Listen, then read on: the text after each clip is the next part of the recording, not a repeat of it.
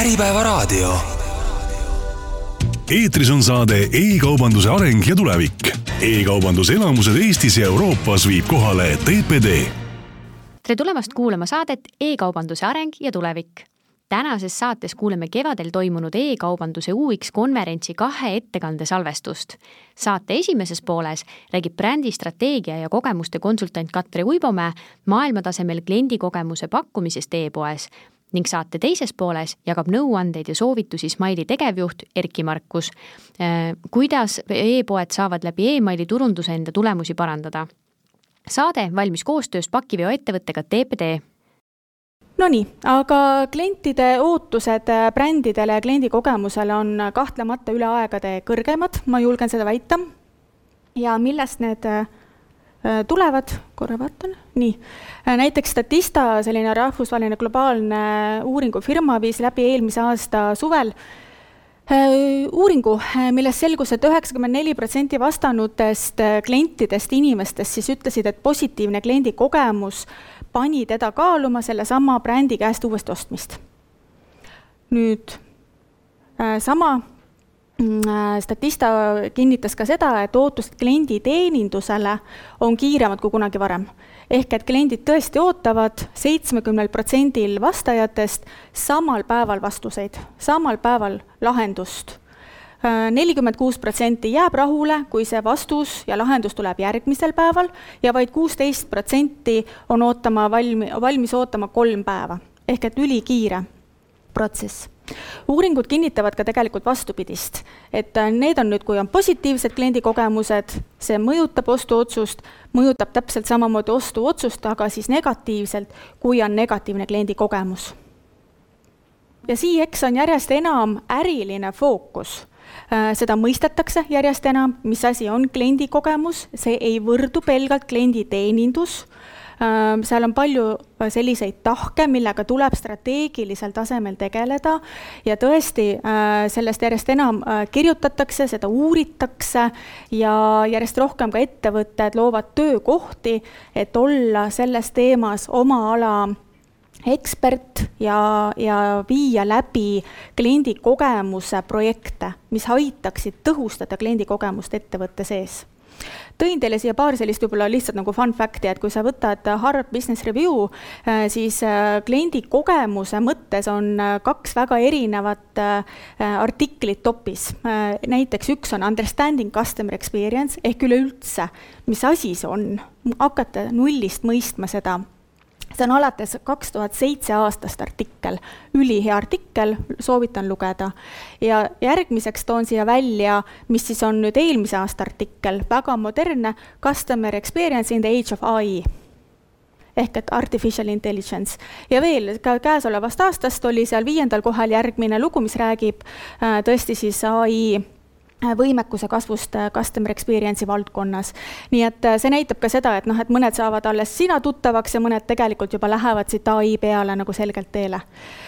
No vot, ja noh, mida mina olen kogenud ja näinud, on see, et ikkagi see customer experience mõtteviis on kõige olulisem ja see algab tippjuhtkonnast ja see algab ettevõtte strateegiast, et see ei ole klienditeeninduse customer support üksuse osakonna juhi vastutus, see on kogu ettevõtte strateegia, see algab tippjuhtkonnast. Äh, mis aga on number üks äh, nii-öelda tegur maailma tasemel kliendikogemuse pakkumises. see sõna käis läbi ka meie Mentimeetrist väga suurelt ja kohe esimesest sekundist peale, lihtsus. see on tõesti märksõna, mida tänapäeval äh, kliendid kõige rohkem ihaldavad. tee minu elu lihtsaks. ja siis ma olen sinu klient. klient tõesti väärtustab seda Äh, see lihtsus võib olla asjade ajamisel, see lihtsus võib olla ühenduse võtmisel, see lihtsus võib olla kliendi äh, teekonnas e-poes, eks ole, et ma leian lihtsasti üles selle, mis ma vajan, mul on lihtne teha äh, check-out'i ja nii edasi. tähelepanu tuleb pöörata sellele, et lihtsus on aga hügieenifaktor. see on midagi, mis peab olema see ei loo sulle äh, seda vau-efekti kliendiga, et klient tuleb ja fännab ja on sinu ambassador. see on lihtsalt see, mis loob hügieeni tasemel olukorra, kus ta ütleb, et jah, mulle meeldib selle firmaga asju ajada, mulle meeldib sellest e-poest osta. ehk et ongi siis lihtsus asjade ajamisel äh, ilma kliendipoolse pingutusena ettevõttepoolsete takistuste eemaldamine lihtsus kindlasti läbivalt Omni-kanalis, et me räägime e-poest, aga tegelikult noh, väga paljudel ettevõtetel on see kliendi teekond ikkagi laiem, isegi kui sul on e-pood, see siiski algab kuskilt enne e-poodi, ehk et klient peab jõudma e-poodi ja ta peab selle füüsilise kaubaga kätte saama, eks ole?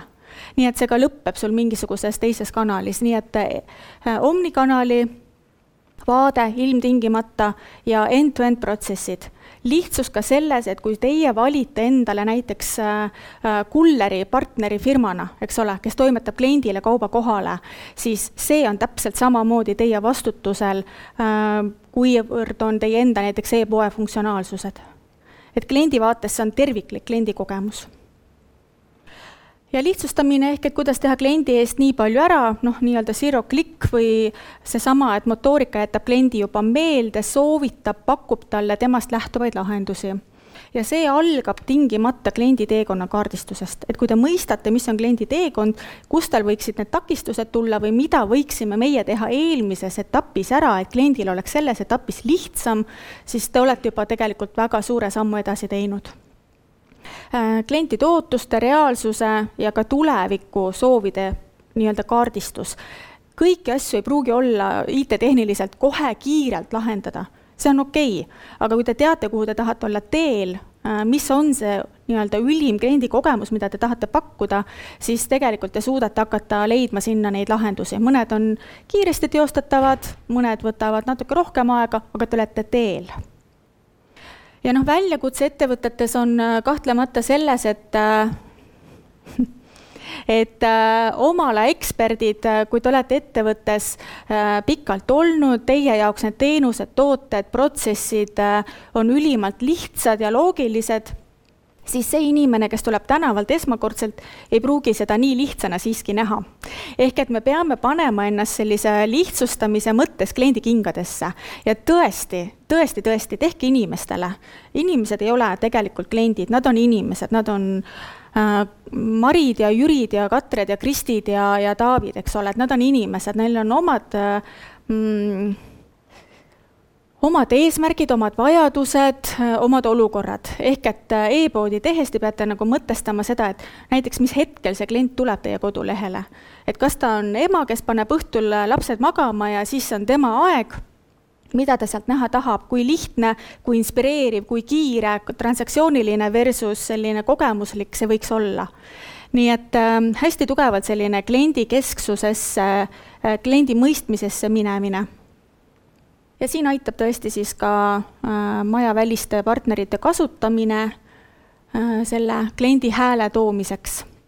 ja kui me mõtleme nagu e-poe peale, siis äh, jälle võib-olla selline fun fact, eks ole, et shopping holidays, noh, Black Friday ja, ja Cyber Monday ja analoogsed, nende roll on ajas tohutult kasvanud, kõik trendid näitavad, need lähevad järjest tugevamate tulemustega need võivad tuua juba täna ettevõtetel isegi kakskümmend protsenti tulemustest.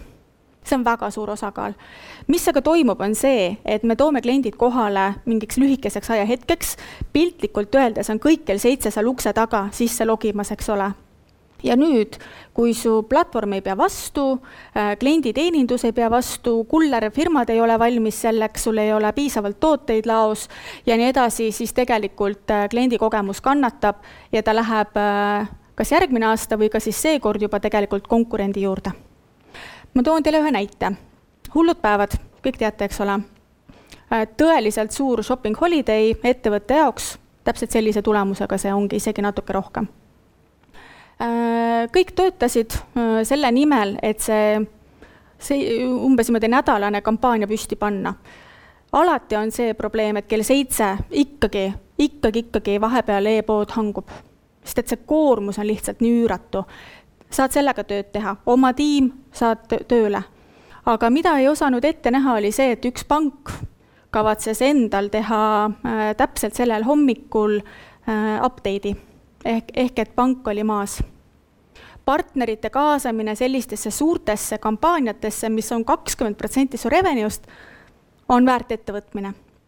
sest kui klient ei saa maksta endale tuttava ja, ja turvalise maksevahendu-, lahendusega, siis ta jätab ostukorvi katki. või vähemalt see risk on, et ta seda teeb teine märksõna, hästi oluline, äh, tuli ka teil välja, võib-olla mitte otseselt personaliseeritud märksõnana, aga isiklik ja andmetele põhinev ja nii edasi, tegelikult on siis personaliseeritus. ja personaliseerituse mõttes noh, kõige lihtsamalt mõeldaks võiks olla ju nii, et mina kliendina usaldan teile oma andmed, eks ole see on vastastikune transaktsioon, nüüd ma vastu tahaksin seda, et te lähtute oma soovitustes, oma pakkumistes, seda, mida te mulle näitate ja kuvate sellest, kes mina olen ja milliseid andmeid ma olen teile andnud. tegelikult see baseerub ülilihtsal äh, nagu sellisel äh, põhimõttel. ja see on kõige suurema fookusega globaalses mõttes äh, fookus. näiteks sellised äh, tõesti suured-suured äh, korporatsioonid on selgelt välja öelnud avalikult, et personaliseeritud ja sujuv, ma panen siia ingliskeelse sõna, sest seda, see võib-olla kõnetab teid väga hästi, seamless customer experience või siis omnikanali kogemus on nende kõige suurem strateegiline fookus. ja miks? on see, et personaliseeritusega saab tuua nelikümmend kuni sada protsenti täiendavat lisatulu netos. ehk et siis seotud kulud maha, eks ole, puhastulu. ja noh, kliendid tõesti eeldavad seda, et äh, te teate neid ja te lähtute nendest oma teenuste, aga ka protsesside väljatöötamisel noh, see eeldab eeskätt organisatsiooni, mis mõtleb kliendist, mis on kliendikeskne, äh, teeb koostööd, organisatsiooni eri osad teevad koostööd lähtuvalt kliendist, mitte seda, et äh, ähm, töötavad silodes. Ja see on, äh, uskuge mind, nii väikestes, keskmistes kui suurtes organisatsioonides ikka suhteliselt tavapärane. Ja sellega peab noh, selles mõttes nagu võitlema, sellega peab tegelema et äh, klient on tegelikult see äh, ühine nimetaja ja klient on see, kelle nimel tegelikult kõik ju üheskoos tööd teevad. ja loomulikult ta tegelikult personaliseeritus eeldab ka ikkagi vastavalt ettevõtte suurusele ka kuskilt maalt äh, väga head andmete kasutamist ja väga head analüütikat ja tegelikult ka customer data platvorm, eks ole, mis siis on CDP tähisega järjest rohkem ka tähelepanu haaramas ja ja turgu võtmas. personaliseerituse alla ma tooksin ka selle, et ähm, äh, mõned aastad tagasi ja tõenäoliselt väga paljud ettevõtetel tänasel päevalgi teevad umbes kord aastas selliseid äh, suuremahulisi kliendi rahulolu uuringuid noh, mina olen selle koolkonna pooldaja, kes ütleb, et kord aastas uurida, mida kliendid arvavad, on ilmselgelt liiga vähe. et äh, pidev töö kliendi häälega ehk et me teame, mida kliendid arvavad, äh, mis neile meeldib, mis ei meeldi, me teeme midagi, me saame kohe kuulda ja jälgida, mida kliendid sellest arvasid, mis oli neil lihtne, äh, kas nad võtsid selle muudatuse edukalt vastu, oli neil mingid keerukused. see kõik annab meile niivõrd palju selleks, et me saaksime oma tööd pidevalt teha palju kiiremini, agiilsemalt ja kliendist lähtuvalt nii et selline kliendi hääle monitoorimine ja sellega töö peaks olema nii-öelda äh, igas ettevõttes igapäevane. olgu ta siis NPS-i näol äh,, EVI on Emotional Value Index, sarnane äh, NPS-iga, küll aga ta mõõdab siis neid emotsioone, ongi emotional value, eks ole, seal on seitse emotsiooni, mis siis on ka psühholoogide poolt tõesti uuritud äh, on siis nii-öelda kõige olulisemad emotsioonid, noh, alates frustratsioonist kuni siis äh, äh, feeling surprised, inspired, et ma tunnen ennast üllatununa äh, positiivses mõttes ja inspireerituna, eks ole. ja selle vahel sa tegelikult saad kogu aeg vaadata, et ahah, panime selle kampaania ülesse, kas kliendid olid sellest inspireerituna või nad näiteks tundsid ennast äh, frustreerituna või nad jäid suhteliselt ükskõikseks, sa saad kohe tagasisidet ja see on ülioluline.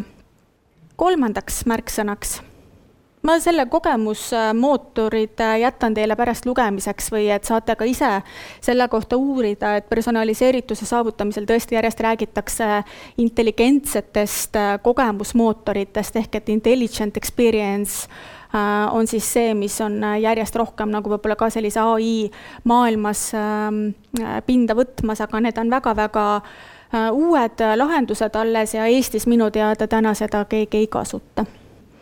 Me korra mainisin juba ära selle makselahenduste mitmekesisuse ja turvalisuse, et personaliseerituse alla läheb ka kindlasti kahtlemata see, et äh, inimesed on väga-väga erinevad. Äh, kes armastab maksta kaardiga, kes armastab läbi pangalingi, kes on PayPali fänn ja nii edasi, kes tahab äh, kolme, kolme maksega Klarnat kasutada või nii edasi. et teie Äh, komplekssus on see, see, et te peate nagu vastama igale kliendile, eks ole, te peate neid kuidagi nagu ennetama, neid soove ja vajadusi ja leidma need lahendused, et see ei ole kerge töö. küll aga kliendi seisukohalt on see, et kui ma ei saa maksta endale turvalise või enda panga lahendusega, siis ma tegelikult jätan ostu katki, et see on nagu see keerukus.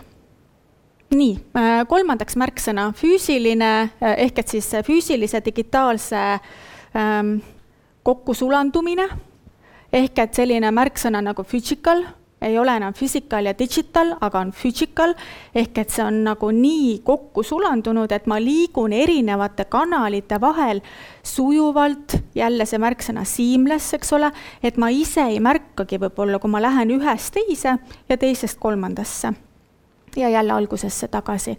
ja need kliendi teekonnad on tõesti see, et üks klient alustab näiteks füüsilises poes, teine äh, ja, ja jätkab sealt äh, e-poodi ja võib-olla sealt veel äppi ja siis sealt veel läbi ai lahenduste või, või teie chatbot'ide, eks ole, veel äh, midagi toimetab, nii et noh, et need kliendi teekonnad ei ole lineaarsed, neid võivad olla väga-väga mitme, mitmesuguseid mõni alustab e-poest, lõpetab füüsilises poes ja nii edasi, eks ole, mõni alustab uudiskirjast, jätkab e-poes ja nii edasi. et neid tõesti on väga erinevaid näiteid. Nii et ja noh, teine on siis see omnikanal, eks ole, et noh, mis on põhimõtteliselt nagu sama äh,, samadel põhimõtetel ehk et äh, kõik, mis ma teen, peaks olema kättesaadav kõikides kanalites, et kui mul on kampaania, kõige lihtsam näide, kui mul on kampaania, see kampaania on kõikides kanalites, eks ole. või et kui see toode on, et siis ma eeldan, et see toode, kui ma tahan seda katsuda, siis ma lähen äh, kohale füüsilisse poodi, see on katsutav. see ei ole lihtne, eks ole, aga ma räägin teile täna maailmataseme kliendi kogemusest ehk mida kliendid ootavad. et see on tõesti see nii, äh, mõned äh, huvitavad näited võib-olla siin.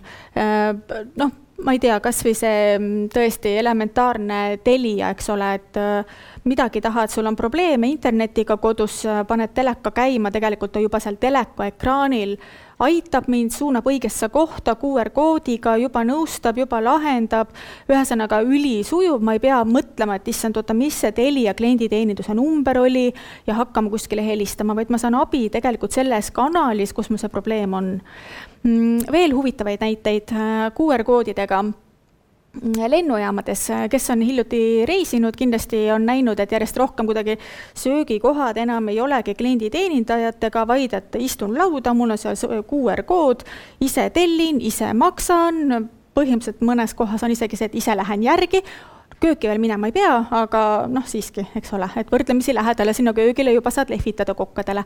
ja tegelikult see on õiges kohas õigel ajal väga hea lahendus, sest et lennujaamades on inimestel kiire kui sa tellid ise ära, sa ei pea ootama, et teenindaja jõuaks sinu juurde. maksad ära, sul on juba makstud, nii kui on söödud-joodud, nii sa tegelikult oled valmis juba minema lennuki peale.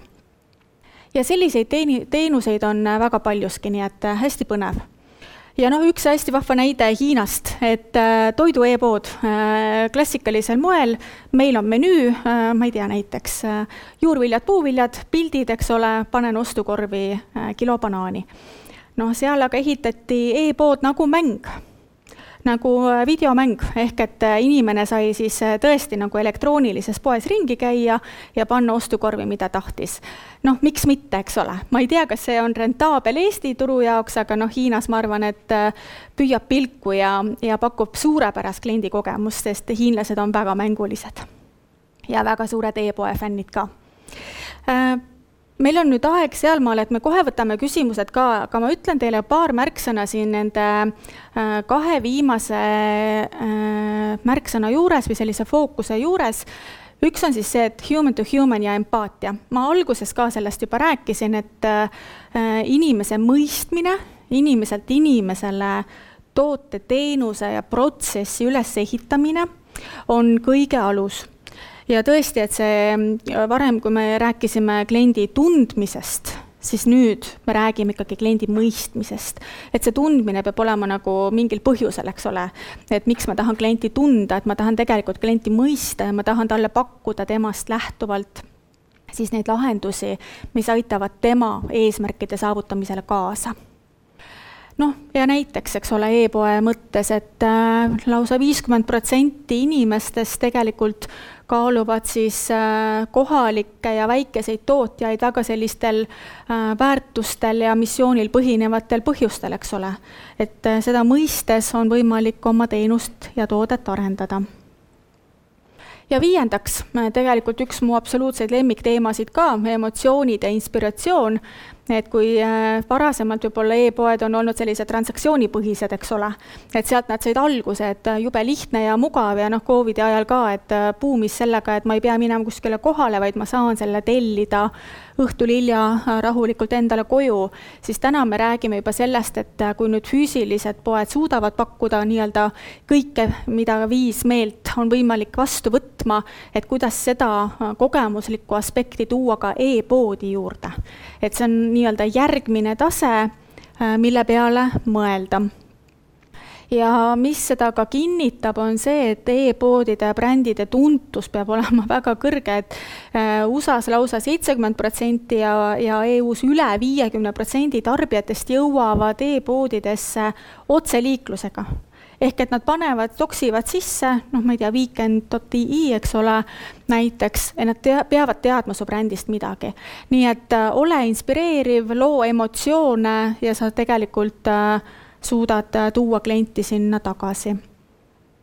No vot, ja veel inspiratsioonist, et äh, inspireerivatel brändidel on kaks suurt alleed kasvamiseks, nad saavad kasvada kiiremini kui oma turu, kui turuosa ja küsida suuremat hinda. Ja veel võib-olla siis viimane märksõna, et EX on sama oluline kui CX ehk et suurepärast kliendi kogemust on suutelised pakkuma suurepärast töötaja kogemust saavad töötajad. see kõik algab töötajatest. Saate esimeses pooles kuulsite brändistrateegia kogemuse konsultandi Katre Uibomäe juttu sellest, kuidas pakkuda maailmatasemel kliendikogemust e-poes. Ning saate teises pooles räägib Smile'i tegevjuht Erki Markus e-poodide emaili turunduse taseme tõstmisest räägin sellest, kuidas meilide teel kasutajakogemust e-poes ja no tegelikult äh, üldse meilindus kasutajakogemust paremaks teha. et äh, räägin sellest samast kogemusest, mida me näeme enda klientide pealt. Äh, ma vist ütlesin, et meil on umbes tuhat e-poodi. Need näited, mida ma toon, ongi siitsamast Eestist pärit ja jah, need e-poed saadavad umbes kuuskümmend tuhat kampaaniat iga aasta ja circa kaks miljardit kirja, et noh, et selles mõttes seda mahtu on äh, siin ikkagi omajagu, et, äh, et mille, mille pealt neid numbreid vaadata. aga mina olen äh, paari sõnaga sellest, et ma olen meiliturunduses sees juba seitseteist aastat, esimesed kirjad saatsime niimoodi, et otsisime neti.ee-st aadressid ja siis üks päev saatis klient ühte toodet ja teine päev teist toodet, selline wild, wild west oli vanasti ja noh, see läks sujuvalt üle selle peale, et kunagi siis kliendid ikkagi mõtlesid, et, et see uudiskiri on ka mingi teema, et meil jäi bännerid üle, et noh, et Outdoorist, et saadame siis äh, oma klientidele mingisuguseid äh, bännereid ka. noh, loomulikult olid e-poodides peal kõik linnukesed või kui üldse linnukest küsiti, nii kui sa midagi ostsid või kuidagi kokku puutusid, hakkasid uudiskirja automaatselt saama. kuniks siis kaks tuhat kaheksateist äh, tehti natukene seda platsi puhtamaks ja, ja me enda mahtude pealt nägime, et noh, et circa kolmandiku võrra langes kohe uudiskirjade või üldse nagu e e-kirjade väljasaatmine.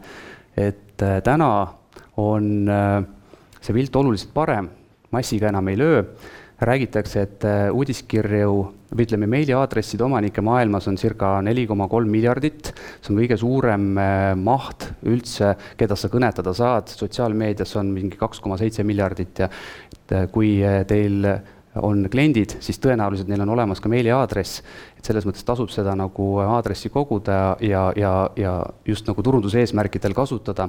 aga nii nagu vanasti saadame kõikidele kõike, seda ma olen rääkinud ka juba nüüd kümme aastat, seda enam teha ei tasu. Ja, ja mida aeg edasi, siis seda nagu kehvemaks see läheb, et ennist Katre just ütles ka, et kui sa mulle midagi saadad, siis minu see nii-öelda noh, mul on nagu päevas ikkagi kakskümmend neli tundi, et seda tähelepanu jätkub nii vähe, et it better be good, et noh, et kui ma seda lahti võtan ja näen, et see on mingisugune jama või noh, et see absoluutselt mind ei kõneta, ebarelevantne, siis ma seda kirja ei loe, tõenäoliselt ma teen unsubscribe või vajutan üldse report spam, et tänaseks kui te vähegi nagu äh, juba personaliseerimist teete, siis on hästi, kui te ei tee, siis te olete natukene juba rongist maha jäänud ja seda peaks hakkama tegema. ma küsin, kes saadab üldse täna mingeid kirju, kas automatiseeritud kirju või uudiskirju või ikka needsamad e-, mõni veel.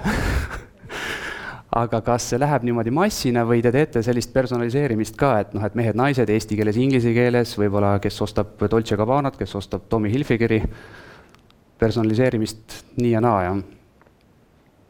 Ma tooks kõigepealt paar näidet äh, personaliseeritud kirjadest, miks see on oluline, miks inimesed personaliseeritud kirjade peale rohkem käima lähevad? Ja tegelikult e-poodide kontekstis see tähendab seda, et nad tegelikult ju toovad ka rohkem raha sisse, et kui sa saadad kirja, siis see mõõdik ei ole open rate või click rate, vaid see mõõdik on see, et kui palju sa käivet selle kirjaga teed.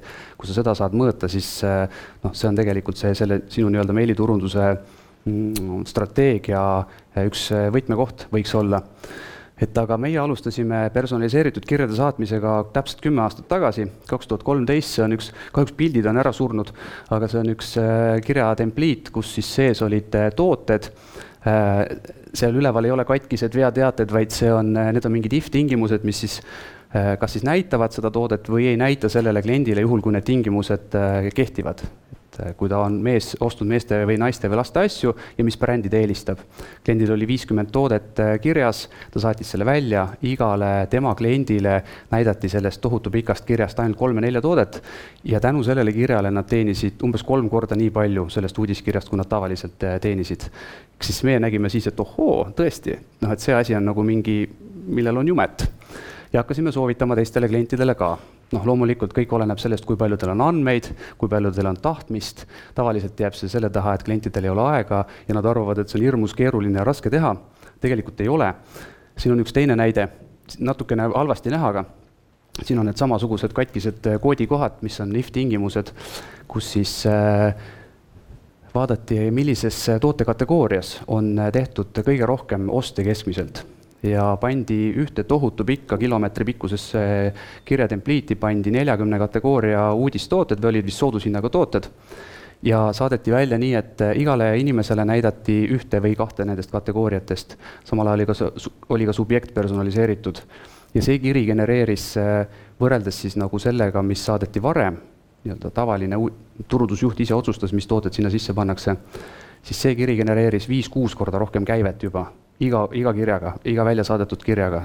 Need inimesed, kes äh, avasid või klikkisid seal kirja sees ja tulid nädala jooksul äh, ostma, siis äh, ostsid seda oluliselt suuremas summas. kusjuures üllatus oli see, et, et avamise protsendid olid enam-vähem samad, aga kuskil kuklasse jäi mingi asi kirja või see nii-öelda nagu noh, nagu sa ütlesid ka, Katre, oma esinemises, et, et see isiklik kõnetamine on see, mis kasvatab lojaalsust. et kui mul jääb meelde, et noh, et minuga on ikkagi nagu suheldud nii, et nagu mulle meeldib, siis ma tulen sinna poodi ja, ja teen selle ostu ära noh, kui sa saadad mulle mingit, ei taha nüüd pahasti öelda, aiandus, mul on tegelikult aed ka kodus, aga aiandusraamatuid, kuigi ma loen ainult ulmekaid, siis ma ei, noh, ilmselt ei tule sinna poodi, vaid lähen ostan oma raamatut kuskilt mujalt, kes kirjutab mulle nagu täpsemaid, täpsemini sihitud kirju. no siin, et siit ei näe nüüd küll mitte midagi aga äh, see on nüüd üks klient, kes viis asjad veel nagu järgmisele tasemele, need on äh, üks-ühele personaliseeritud kirjad andmebaasis on circa paarsada tuhat kontakti, kõik saavad täiesti unikaalselt sihitud kakskümmend toodet sulle, kakskümmend sulle, kakskümmend sulle kirja. Neil oli kusjuures tegelikult varem ka päris hästi segmenteeritud kirjad ostukorvi suuruse järgi. kes ostab harva ja kalleid asju, kes ostab harva ja odavaid asju, kes ostab sageli ja kalleid asju, kes ostab sageli ja odavaid asju. tegelikult olid päris head tulemused niigi. aga ainuüksi tänu sellele, et äh, see personaliseerimine läks nii täpseks, noh, et vaatab vastavalt sellele, mida sina tõenäoliselt järgmisena ostad siis nad suutsid oma käivet veelgi kolmkümmend protsenti kasvatada. ja see, kuna andmebaas on nii suur, siis nad, see investeering tasus põhimõtteliselt esimese uudiskirjaga ära ja nad laiendasid seda kõikidele nagu oma teistele uudiskirja äh, programmidele ka.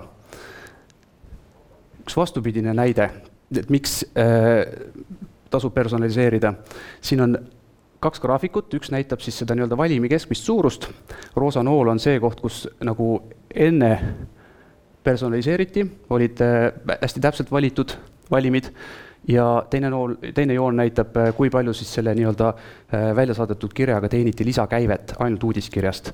ja siis ühel hetkel, kus see noole koht on, siis ettevõtte turundusjuht arvas, et noh, tegelikult tahavad ju kõik meie kliendid ikkagi neid väga häid pakkumisi saada. ja personaliseerimine lõpetati, saadeti kirju kogu andmebaasile kuuekümnele tuhandele ja käive tegelikult suhteliselt hüppeliselt kohe kukkus. et kui alguses oli keskmine käive uudiskirjast umbes kolmkümmend tuhat eurot ja keskmine baasi suurus kakskümmend tuhat kontakti, siis äh, pärast seda personaliseerimise lõpetamist äh, oli keskmine käive uudiskirjast umbes kümme tuhat eurot. et oleme näinud ühesõnaga ühtepidi ja teistpidi muudatusi, kus on läinud oluliselt paremaks ja kus on läinud ka oluliselt kehvemaks. kokkuvõte on siis see, et, et personaliseerida tasub. ja millal seda siis teha see on ka juba suhteliselt vana graafik, aga jube hea on siin peal näidata, millises kohas või, või, või tegelikult, et kui olulises kohas äh, kliendi siis elukaares või kuidas seda nimetada, äh, võib äh, meiliturundusest või nagu täpselt sihitud kirjadest olla kõige suurem kasu. seesama esimene noolekene siin vasakul pool, siin on personalization kirjutatud, see on see koht, kus tehakse esimene ost, põhimõtteliselt tuleb see klient esimest korda sinu ärisse ja sellel hetkel sa pead juba mõtlema, kuidas saaks talle saata personaliseeritud infot. et äh, Eesti E-kaubanduse Liit minu meelest on teinud sellise uuringu, et kui palju Eesti e-poodidest äh, tehakse oste külalisena ja see on äh, äkki seitsekümmend protsenti oli, kui ma ei eksi, võib-olla Margus, sa tead, mäletad paremini? umbes midagi sellist, jah. ja see on nüüd see koht, kus personaliseerimisega on võimalik seda nagu äh, parandada. et kui ma ühe korra ostan ära, see kasutajakogemus ei olnud mugav või see info, mida sa mulle edasi näitad, ei ole piisavalt relevantne, siis võib-olla sinnapaika see jääbki. ja ma pean järgmine kord sinuni saamiseks uuesti kulutama raha, mõtlema välja mingeid turundussõnumeid, otsima platvorme, kus sa liigud, et saada seda uuesti sind sinna nagu nii-öelda ost-, ostjaks. kui ma saan su kuidagimoodi kliendiks, sellega, et ma kõnetan sind äh, õigesti, siis see läheb edasi sinna järgmisse tsüklisse, kus on juba lojaalsusprogramm, kus mul on võimalik selle teise noolekese juures saada äh, sind lojaalseks kliendiks, seal ongi see personal, personalized loyalty program vastavalt sellele, mida ma sulle ütlen, millal ma sulle ütlen, ja siia sisse tegelikult tuleb ka nüüd see, millest ma tahan veel rääkida, on äh, igasugused automatiseerimised. et kui äh, need äh, personaliseeritud kirjad suudavad kasvatada käivet noh, kordades, kui sa, kui sa saadad neid õigesti, õigel ajal, õige sisuga, siis automaatika on ju tegelikult kõige personaalsem kiri üldse. see, see inimene, see klient on juba kuskil sinu äris sees, ta on sattunud sinu e-poodi äh, või noh, mis iganes teenust sa pakud või, või toodet sa müüd ja sul on juba mingid andmed tema kohta olemas, näiteks tema sünnipäev või ta jättis ostukorvi pooleli või sa said tema meiliaadressi kätte ja nüüd on võimalik sul lükata, sul lükata ta kuskile automatiseeritud protsessi, mis siis küsib tema käest rohkem, pakub talle õigeid asju või tuletab, tuletab talle midagi meelde. ja eh, minu meelest MailChimp vist kunagi avaldas sellise uurimuse. Eestis meil kahjuks nii palju andmeid ei ole, aga ainuüksi abandoned card kirjade puhul on võimalik eh, raha siis nii-öelda kätte saada nelikümmend korda rohkem, kui saata kliendile automatiseeritud pooleli jäänud äh, ostukorvi kirjaseeria versus see, et ma, ma talle üldse mitte midagi ei saada. et noh, et seal on nagu see võimalik võit juba kordades. see ei ole keeruline miks, ma võin, ütlen ausalt, et need, nendest umbes tuhandest kliendist, kes meil täna on e-kaubanduses või siis äh, mingis jaes, kes müüvad mingisuguseid tooteid, kes saadavad pakkumistega kirju, nendel on suhteliselt vähe äh, personaliseerimist, hea, kui on üldse segmenteerimine, saadetakse erinevates keeltes kirju või siis meestele-naistele, noh, oleneb tootest või teenusest, mis sa müüd. aga mingeid selliseid automaatikaid e-poodidest, kui paljudel, neli kätt siin ennem tõusis, on äh, pooleli jäänud ostukorvi kirjaseeriad või pooleli jäänud ostukorvi kiri näiteks seadistatud, Margus, ära sina tõsta. Okei okay kaks tuhat seitseteist ma küsisin sama küsimust, siis oli natuke rohkem inimesi saalis, tõusis sama palju käsi, seal oli umbes kakssada inimest saalis, et noh, see on, olukord on läinud oluliselt paremaks. aga noh, see on elementaarne hügieen, et, et sellised nagu asjad, mis põhimõtteliselt e-poest lekivad raha, need tuleb kohe esimese asjana ära teha. ma toon paar näidet mida me oleme oma klientidele soovitanud teha ja, ja mille, mille puhul me näeme, et, et noh, on olemas kohe nagu päriselt käegakatsutav tulemus ja mis ei ole tegelikult üldse selles mõttes äh, keerulised, et äh, kui alustada samm-sammu haaval, teha üks asi korraga, noh siis kas te näete siit ekraani pealt midagi? No me näeme vähemalt teksti, on tervituskirja seeria, welcome series. seesama kliendi elutsükli graafik, kus äh, oli see nii-öelda esimene ost, kus mul on koht, millal kliendi käest küsida, et kuule, tšau, tore, et sa ostsid tee endale kliendikonto ka, et ära jää nii-öelda külaliseks. noh, siin on siis justkui nagu need erinevad klotsikesed pildi peal, ma kirjeldan teile. Läheb esimene kiri, aitäh, et ostsid kuule, rega endale kliendikonto, sa pakud talle mingisuguseid hüvesid selle eest, näiteks saab edaspidi soodsamat hinda või annad kohe kupongikoodi kaasa või siis tal on mingid garantiidokumendid seal olemas ühe koha peal mugavalt või me pakume sulle väga personaalset mingit teenindust, mis iganes see on e-poe puhul, et aga, aga tervituskirja seeria näeme, et kui see saata kohe järgi pärast esimest ostu, konverteerib väga palju külaliskliente päris klientide, nii-öelda külalisostusid päris klientideks, tasub ära teha. aga siin on üks onboarding'u näide, et kus ka ülevalt hakkab midagi pihta, siis tulevad erinevad tingimused, kas ta tegi selle tegevuse ära või mitte, läheb järgmisesse harusse, siin jälle kontroll, kas ta tegi selle ära või mitte sellega saab ehitada mis iganes, näiteks noh, tavaliselt on mingid online teenused või see näide oli üks automüügifirma, eh, kes tegi justkui nagu sellise gamification tüüpi mängu, et eh, ma läksin nende veebi, vaatasin seal mingeid masinaid ja siis seal oli küsimus, et kuule, jäta oma kontakt. noh, panin selle kontakti sisse ja siis tuli mulle kiri, kus oli kaks valikut, kuule, milline auto sulle meeldib, punane või roheline. noh, vajutasin sinna punase peale ja siin puus liikus see kontakt kohe teise harusse kahe päeva pärast tuli uus kiri, kuule vaata, et kas sulle meeldib rohkem sedaan või kabriolett. ja lõpuks, kui sa sinna alla jõudsid, siis tuleb see viimane pakkumine on see, et äh, näed, meil on täna laos sellised autod, kas sa tahad tulla proovisõitu tegema? Ja noh, et see on okei okay,, kui sa kohe ei osta, aga võib-olla tulevikus sa oled nagu suht impress sellest ja, ja sa ikkagi nagu pöördud kõigepealt sinna ettevõttesse, mitte nagu ei lähe kuskile mujale otsima, et äh, et äh, jällegi automatiseeritud, keegi ei pea kuskil ootama kõnesid ja, ja mailbox'ile vastama klient teeb sisuliselt selle töö sinu eest ära ja talle meeldib see, kui sa, kuidas sa temaga nagu räägid, ühel hetkel ta tuleb su juurde tagasi, siis kui tal seda asja vaja on. noh, hüljatud ostukorv, nagu öeldud, elementaarne hügieen äh, e-poodidel esimene asi, mis tuleks ära seadistada, kas või see, kõikidesse e-poodidesse on sisse ehitatud äh, see linnuke, et saada hüljatud ostukorvi või on mingi tasuta plugin selle jaoks. meie kliendid saadavad äh, meie kaudu seda asja aga sinna lihtsalt siis võimalik mingisuguseid turundusasju juurde panna, et sa näed tracking piksliga, kas ta avas ka ja siis saadad meeldetuletuse, kui ta ostis või ei ostnud, kõike nagu seda muud. perioodilised sündmused, sünnipäevad, naise sünnipäevad, mehe sünnipäevad, lapse sünnipäevad, koera sünnipäevad või mingid muud tähtpäevad. kui sa esimest korda kliendiks said, siis saadad mingisuguse teavituse jällegi ei tasu seda lihtsalt niisama saata, pillerkaar ja, ja kõik on tore, et sul on täna sünnipäev. seal igal sellel asjal, mis te saadate, peaks mingisugune väärtus olema, et kas siis jälle, et näed, vaata, Selver minu meelest saadab äh, seda või partnerkaart saadab seda sünnipäevakirja.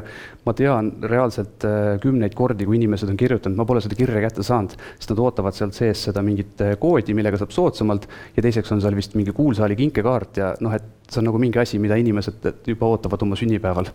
et, äh, et see on nagu lahe asi, mida, mida teha, jällegi, kui sul on sünnipäev teada, siis see asi korraks üles seadistada ei ole üldse keeruline igasugused muud perioodilised sündmused, kui sa oled näiteks teenusepakkuja ja müüd mingit asja, juukselõikust või autorehvi vahetust või õlivahetust, see toimub tavaliselt ikkagi nagu mitu korda, mitte ühe korra ma ei lähe juukseid lõikama.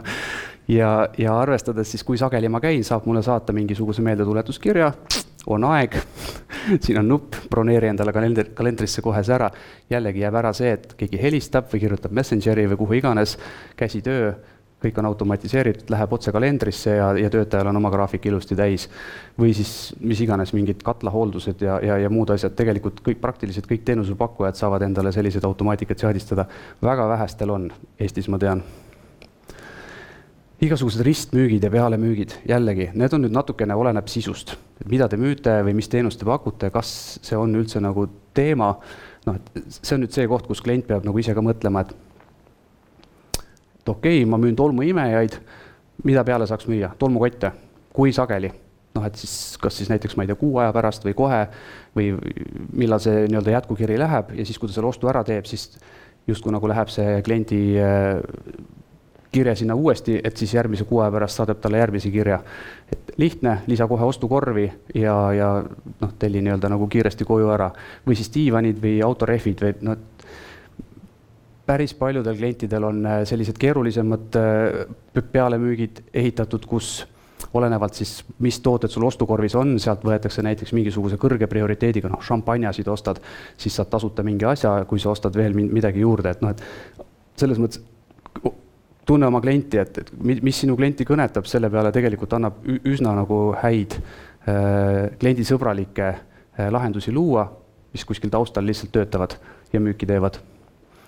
No tagasiside küsimine, eestlased, ma ei tea, kas on enam nii vaikne rahvas, aga aga kui midagi valesti on, siis nad, siis nad ei ole väiksed.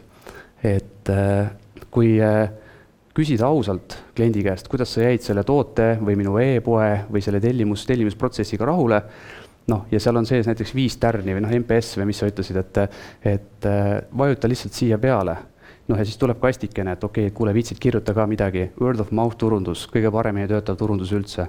kui ma lähen, järgmine klient tuleb e-poodi ja vaatab, et okei okay,, kuule, teil on best e-pood ever, sellepärast et.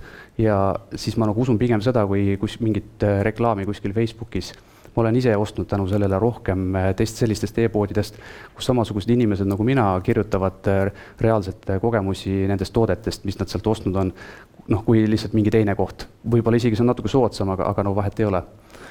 et noh, ja vastupidi jah, kui on negatiivne kogemus, siis on võimalik selle kirjaga see ära lahendada, muuta võib-olla positiivseks, et toode ei tulnud õigeaegselt kohale, kirjutab sulle vihase vastuse, sa lahendad selle kuidagi ära, annad talle mingi kinkekaardi näiteks ja, ja see võib muuta selleks, muutuda sellest pahasest kliendist võib muutuda lojaalseks kliendiks tänu sellele, et sa suutsid selle ära lahendada. ta lihtsalt ei torise omaette, nagu sauna Jüri ei läinud löön, löönud aida taga vastu seda palki või ei läinud Facebooki kuskile kurjalt kirjutama, vaid pärast on väga happy klient.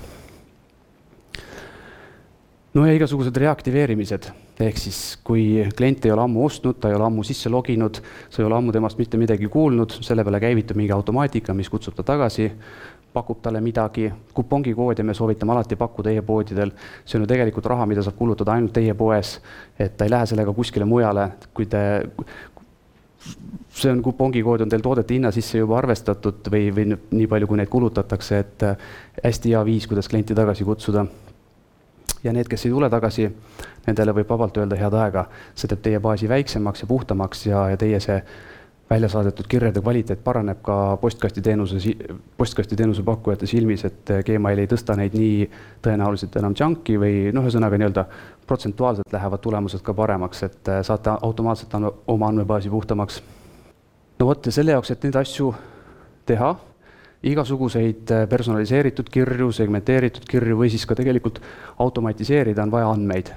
meiliturundustarkvarades ei ole tavaliselt neid andmeid selle jaoks on olemas mingisugused äpid või liidestused, et tõmba e-poest tooted sisse, ostuajalugu sisse, siis pane CRM-ist mingisugused kliendigrupid külge, Pipedrive'ist, millal ta viimati ühenduses oli ja siis saada kiri ja kui ta seda ei ava, siis SMS ka.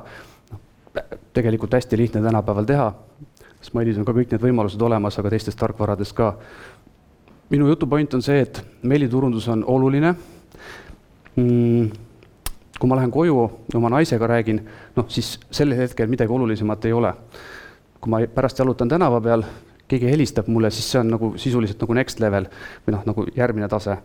ja, ja, ja minu hinnangul on nagu emailindus on nagu sellest, sellele nagu järgnev tase.